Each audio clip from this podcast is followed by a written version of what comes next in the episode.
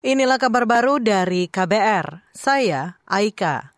Menteri Pertahanan Prabowo Subianto melaporkan adanya permintaan 100 buah pesawat jenis CN-235 produksi PT Dirgantara Indonesia. Prabowo mengatakan PT DI berhasil meningkatkan kapasitas produksi hingga tiga kali lipat dalam setahun.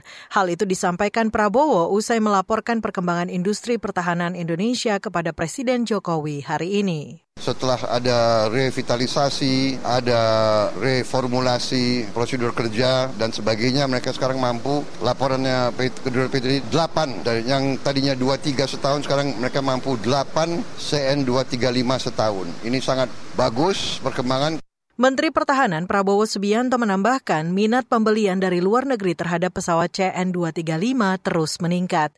Ia menyebut informasi ini membuat Presiden Jokowi gembira dengan kemajuan industri pertahanan lokal.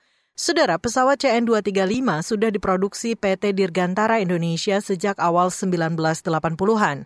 Pesawat ini dibekali dua mesin turboprop yang dikenal tangguh dalam segala kondisi. Beberapa negara pernah memesan pesawat ini, di antaranya Brunei Darussalam, Malaysia, Pakistan, Korea Selatan, Burkina Faso, hingga Senegal. Beralih ke informasi lain, pemerintah mengklaim Undang-Undang Tindak Pidana Kekerasan Seksual telah meningkatkan keberanian publik untuk melaporkan kasus kekerasan seksual ke aparat hukum. Menteri Pemberdayaan Perempuan dan Perlindungan Anak Bintang Puspayoga mengatakan undang-undang ini menjadi sejarah penting bagi perempuan di Indonesia. Peraturan pelaksana undang-undang ini diharapkan bakal mengakomodasi kepentingan terbaik bagi korban. Undang-undang ini juga memberikan sumber pengetahuan bagi masyarakat tentang kekerasan seksual yang kemudian menumbuhkan keberanian dan percaya diri mereka untuk berani bicara. Itu tadi Menteri Pemberdayaan Perempuan dan Perlindungan Anak Bintang Puspayoga. Sebelumnya, pemerintah terus mempercepat pembentukan peraturan turunan dari Undang-Undang Nomor 12 Tahun 2023 tentang tindak pidana kekerasan seksual. Undang-undang ini diterbitkan pada Mei 2022. Hingga saat ini, proses pembahasan peraturan pemerintah dan peraturan presiden di tingkat panitia antar kementerian terus dikebut agar bisa selesai dan disahkan tahun ini.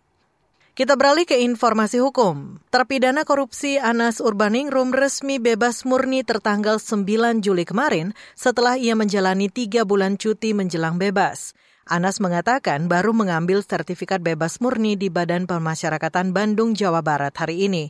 Anas menyatakan akan kembali terjun ke dunia politik. Nanti lihat aja, tapi insya Allah karena komunitas saya, komunitas politik, ibaratnya kolam saya itu kolam politik, ya insya Allah Bekas terpidana korupsi Anas Urbaningrum mengatakan dengan status bebas murni, ia kini bebas beraktivitas tanpa ada hambatan.